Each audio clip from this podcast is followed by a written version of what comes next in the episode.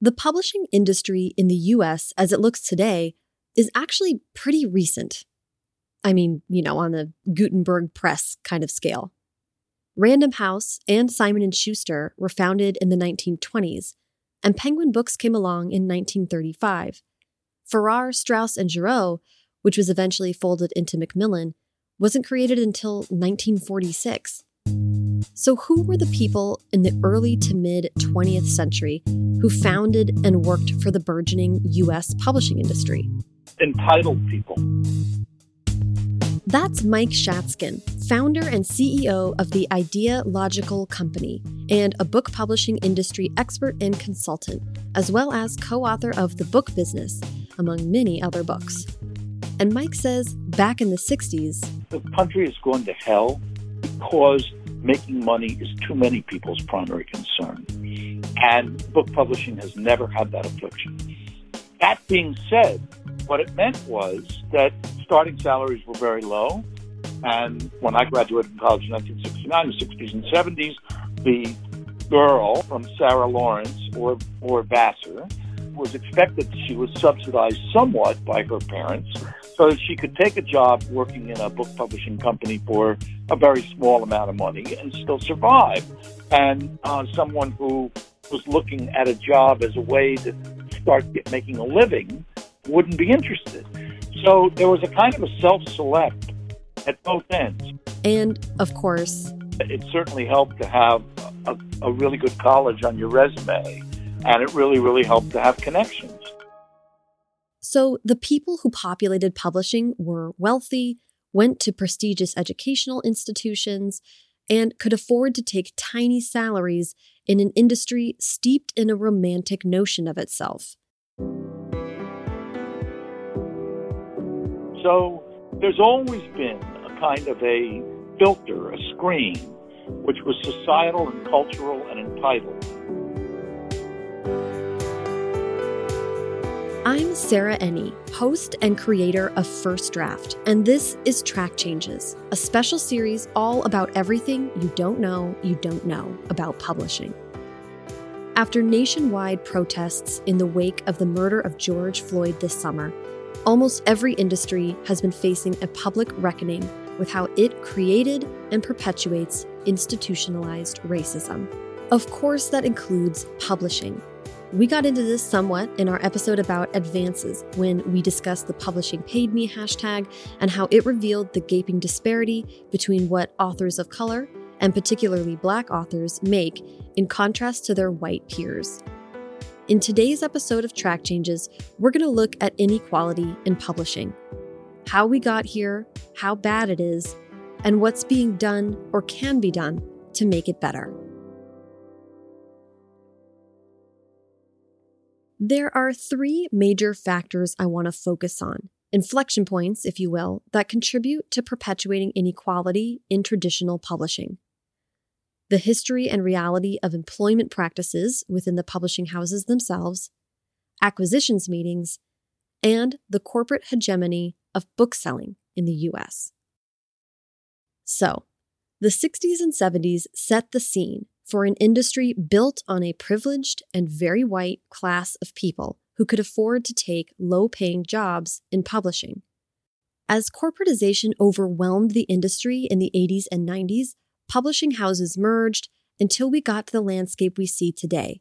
Five major publishing houses owned by international corporations and a smattering of independent presses. Fewer jobs and still low paying because the positions are highly competitive. There are more than enough book lovers with stars in their eyes and trust funds at their backs to fill these roles. The job is still a glamour job and people want it. And there is the law of supply and demand. Publishers will raise what they pay when they need to raise what they pay to get people they think are qualified to do the jobs to do the jobs. And as long as they can find people who with good intellects and good life habits who are willing to work for the salaries they pay, they're not much inclined to raise the salaries. And that low pay is a huge barrier. One of the things we found in sort of the, the, the challenges to folks getting into the industry, one was finances. That's Nicole Johnson, executive director of We Need Diverse Books, a nonprofit grassroots organization that advocates for changes in the publishing industry. Most of publishing is anchored in New York, so it's a very expensive city to live in. There's a prevalence of unpaid internships across the industry, right? So you have to be able to afford to get to New York, live in New York free, like unpaid. Who can do that, right? Who can do that? Someone with privilege, someone with access to resources, someone who's perhaps living off their family's trust money or someone who didn't have to pay for college so they could save up and they could, you know, so so there's all these like financial barriers. And those financial barriers are rooted in racism. And when it comes to systemic and institutional racism as a black woman who's financially privileged, there's there's not many that I see that look that are like me who can come from a place of financial privilege and be able to work in publishing. That's Jalissa Marcelle Corrie, marketing and publicity manager at Lee and Low Books, the largest multicultural children's book publisher in the country, and one of the few minority owned publishing companies in the U.S. Jalissa is also a planning committee member of People of Color in Publishing and is a writer herself. There are few black and brown folks who are able to have the financial privilege to be able to work in the city, but that, that's just it, it's a much larger issue than people really do understand. And that definitely affects how many black indigenous uh, people of color can actually join publishing. And geography affects other marginalized groups as well. That also creates this inaccessibility for people who have physical disabilities because New York City is notorious for being inaccessible. What's the actual impact of all these barriers to entry? How unequal is publishing, really? Well, thanks to Jalissa's employer, Lee and Low Books, we actually have numbers for this. The Diversity Baseline Survey, what it is, is a survey that looks at diversity within the publishing industry. And in 2019, they published the results of their second survey, which focused on race, sexual orientation, gender identity, and disability. We wanted to get more of a sense of what the publishing industry looked like because there were a lot of conversations swirling around, especially in children's publishing, uh, regarding the lack of diversity um, with the books that are published. And of course, when we discuss this, we think, well, this can also do with the gatekeepers who are publishing these books. Last year's survey found that 76% of publishing staff, review journal staff, and literary agents are white. The industry is also overwhelmingly heterosexual. 81% of publishing staff identified as straight or heterosexual. Publishing is about 74% cis women and 23% cis men. However, 38% of executives and board members identify as cis men, which reflects the reality that even in women dominated industries, men still ascend more easily to positions of power. The Lee and Low 2019 survey showed that not much had changed since their initial survey in 2015. But some things were changing for the better. There's now more diversity at the top, with 78% of people in the executive level identifying as white, a drop from 86% in the inaugural 2015 survey. And the intern class is significantly more diverse than the industry as a whole. Of the interns surveyed in 2019, 49% identify as Black, Indigenous, or a person of color. 49% are on the LGBTQIA spectrum, and 22% identify as having a disability. However, publishing internships are often unpaid, or paid unequal to the challenge of living in New York City. If publishing offers just uh, unpaid internships or literally barely any paid internships, how can you really expect someone to be able to again move out to one of the most expensive cities in the United States um, to be able to pay rent, to buy food, to have just regular amenities and utilities and not be paid. How can someone sustain that? We really need to pay our interns for the work that they do. We Need Diverse Books has created a grant program to supplement income for publishing interns. Here's Nicole again. We partner primarily with publishers and literary agencies um, who hire the interns. And then the interns, um, once they are hired, we consider them for a grant. Um, and anyone who partners with us, they commit to paying a living wage to the intern uh, and a, a minimum number of hours per week so that our grant truly is supplemental. It's not their only sort of earnings for the summer, but it is sort of supplemental to whatever they are earning in their internship. But even with more financial breathing room, it's not a guarantee that interns will be retained and promoted. Because another factor in the lack of diversity in publishing is that these jobs are scarce. And once people get them, they don't leave. There are five big companies that are certainly more than half of the commercial book business. And they have characteristics. And the main characteristic is that if you have a job at one of them, you don't give it up because you're not going to get a better one somewhere else. So there's very little movement at the top. Recently, though, there have been some shifts. In the wake of many prominent leaders in the industry dying or announcing retirement, some major publishing houses have hired people of color, in some cases from outside the book industry, to fill those roles. One very prominent example after the death of Carolyn Reidy, the chief executive of Simon & Schuster, in May, the publisher hired former New York Times editor and administrator of the Pulitzer Prizes, Dana Canedy, as the new publisher of its namesake imprint. Canedy is the first Black person to lead a major publishing house. I, am uh, sometimes I'm not that hopeful, but I'm like you know I, I'm I'm hoping because of the current protests, the current calls, more pressure that things will actually change.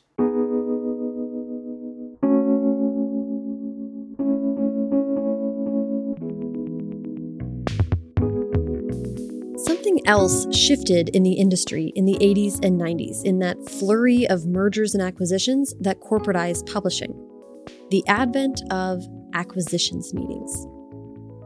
We talked about acquisitions in a previous episode of Track Changes.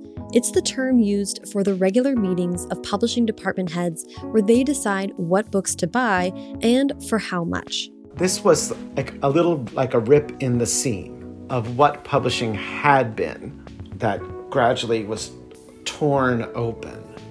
That's Arthur Levine, who for 23 years was the publisher of Arthur A. Levine Books at Scholastic.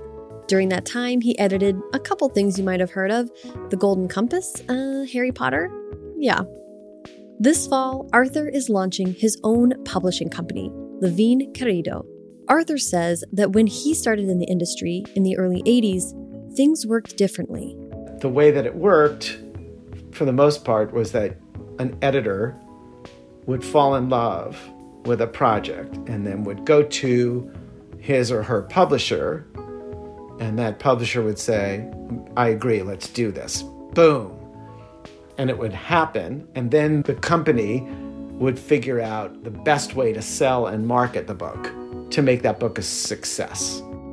Of course, editors having more autonomy in acquiring projects did not mean that every book was a success. But Arthur says that when a purchasing decision is driven by an editor, there's a higher likelihood that the company will publish a broader range of books that now, under the acquisitions by committee model, are seen as risks to the bottom line. At an acquisitions meeting, what it is is the, the editor is a supplicant. So the editor may find a book that they love, but they're thinking, can I get it through the acquisitions meeting? And so you might have people reading something that they love, but they think, well, I can never get this through, so I'm not going to bother. Why would they be told no in an acquisitions meeting? Well, there could be many reasons, including quality of the work. But chief among the considerations is whether the math adds up on that book's profit and loss statement. Here's Jalissa again.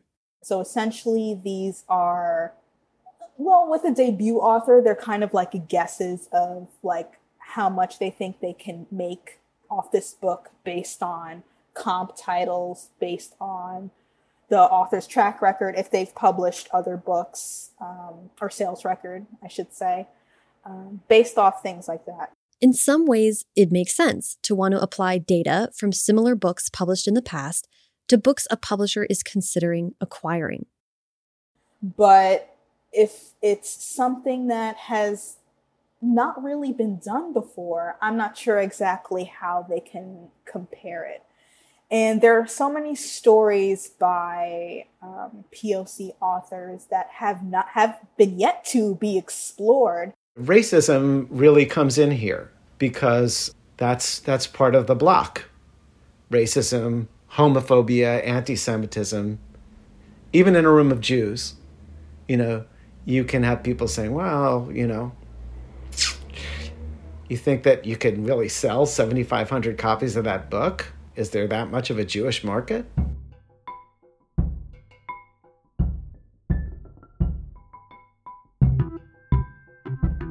So, if you're an acquiring editor at a publisher owned by a massive corporation, you're risk averse because you're watching the bottom line. And you're in a room of mostly white, straight, cisgendered, able bodied publishing professionals making decisions based on information gathered from decades of publishing books, mostly from white, straight, cisgendered, able bodied authors, about mostly white, straight, cisgendered, able bodied characters. Well, at the end of the day, what, what I'm saying is it revolves around their bias sometimes um, when it comes to these type of books that have not been published before. And when someone has that type of bias, say, and, and everyone has biases, so I'm not saying that it's only like white gatekeepers who have this bias and no one else does. But the thing is, when there's dominantly like white gatekeepers, then mostly their biases are the ones that are going to take up the space. Whereas if it's more inclusive, then we'll have people who can offer more insight and could actually explain or um, open someone's eyes to the fact that there's a bigger audience than you think. You just might not see them. And that means when the publishing house isn't inclusive and there's only one type of voice in the room advocating for books, that's when you see lower advances. That's when you see lower marketing budgets. Arthur says acquisitions meetings are not incentivized to find new, unusual, or challenging art. There is an incentive to be safe, there's an incentive to be conservative, and there's an incentive to suppress. I think, you know, in, in all my years in publishing, the most common word I heard was comfort. I'm comfortable with that hmm, I'd be more comfortable at this lower projected rate of, of sale. I'd be more comfortable with this lower advance, whatever. Yes, of course, you know, so if, if comfort is the idea, then it produces a certain number of results. And what the P&L statement is trying to measure, the probability that a book will be successful, well, Arthur says the publishing industry just doesn't have a history of making accurate predictions as we all know, nobody can tell what when a book will succeed or not succeed. And a detailed postmortem on what worked or didn't and why is the exception and not the rule. Instead, we fall back on our flawed and mostly unexamined sense of what has happened. No, oh, yeah, look, we had a book like that and it didn't do well. Well, now, wait a minute. Did we ever stop and have a meeting where we said, why didn't do that do well? What happened? Was it the book? Was it the cover? Was it the lack of marketing and publicity? There's a lot of reasons a book doesn't do well. There's actually a lot of reasons a book does do well. We're often publishers as clueless about what why a book did well as we are about why it didn't do well. There's another major bottleneck in the industry that perpetuates systemic inequality booksellers. Okay, once again, a lightning fast, broad overview of bookselling in the last 50 or so years. In the late 70s, just about every bookstore was independent.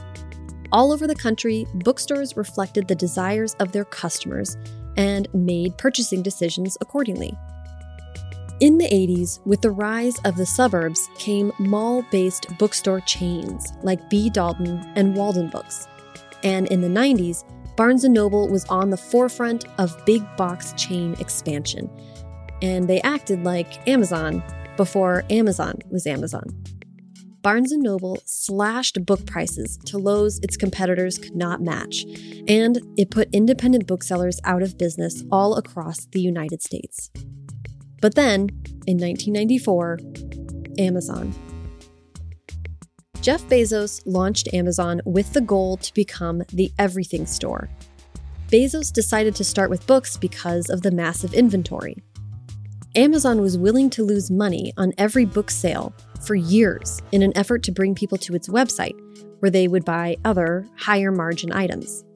Come for the Da Vinci Code, leave with 25 pounds of cat litter it uh, it worked.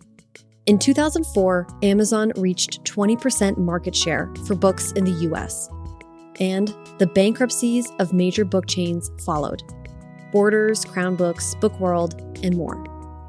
The number of independent booksellers in the United States dropped 40% from 1995 to 2000.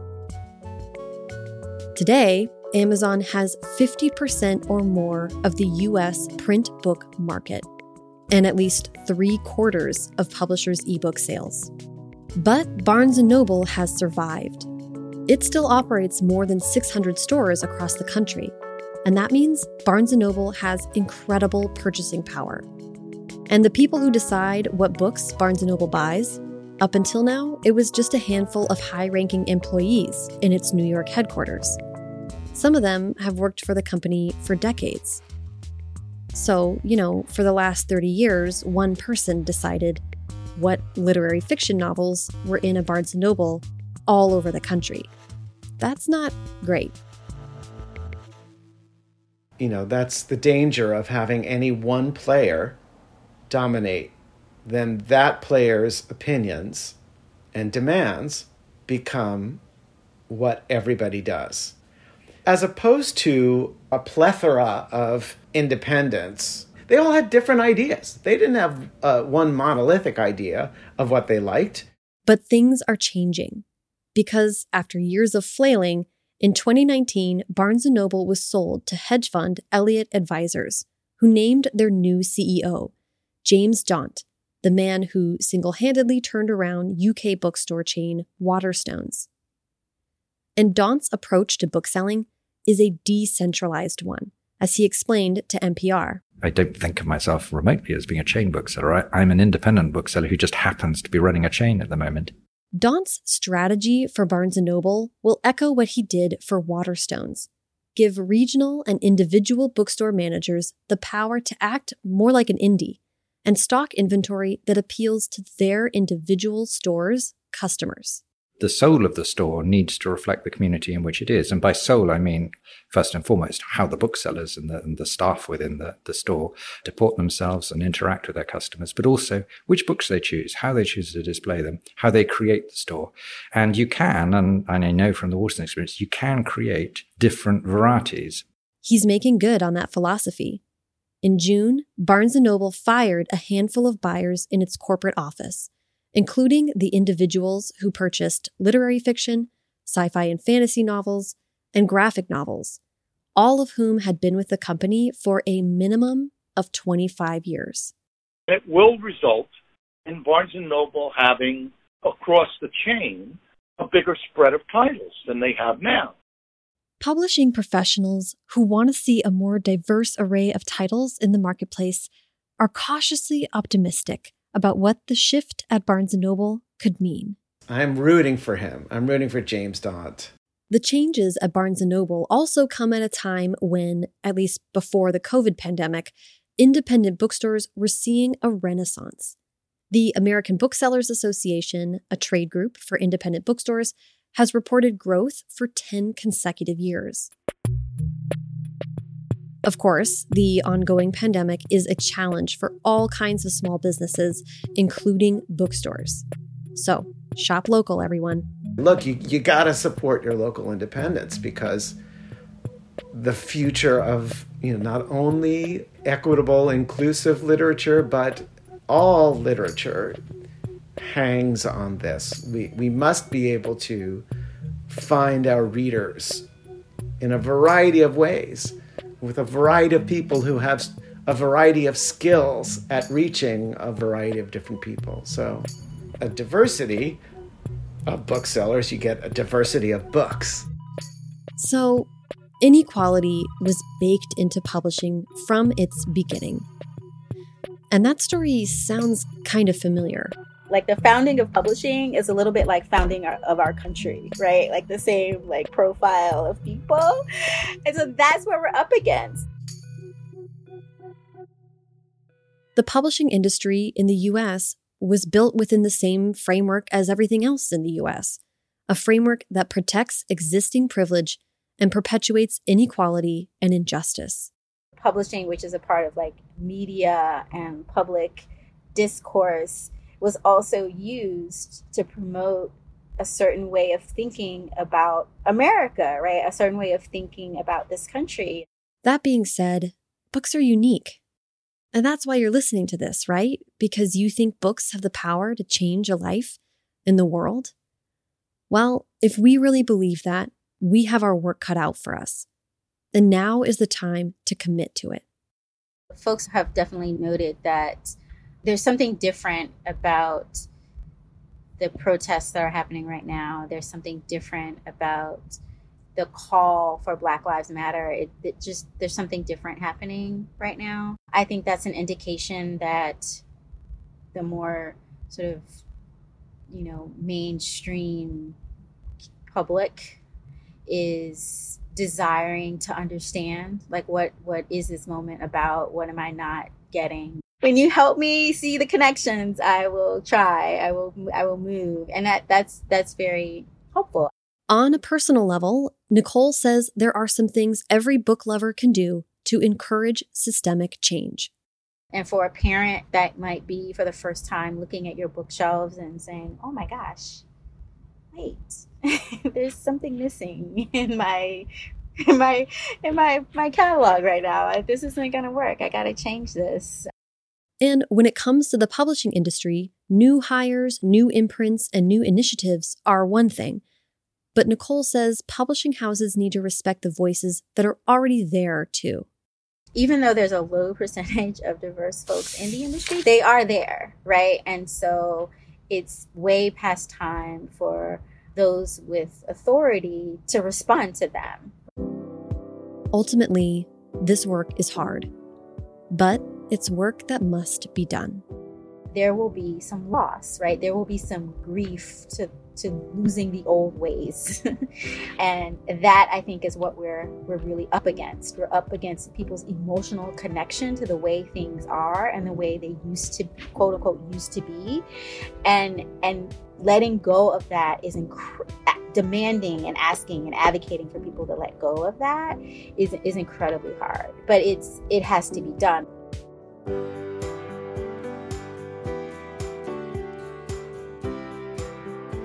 You can find Mike Shatzkin at idealog.com. We Need Diverse Books at diversebooks.org Jalissa Marcelle Corrie at jmarcelcorey.com and Lee and Low Books at leeandlow.com and Arthur Levine and Levine Querido at levinequerido.com. As always, the show notes for this episode will have links to everything we talked about as well as more resources. You can follow me at Sarah Enni on Twitter, Instagram, and everywhere. Follow at First Draft Pod on Twitter and Instagram, and head to firstdraftpod.com slash track changes for more information and updates on track changes. And be sure to check out the First Draft Facebook group to join the conversation.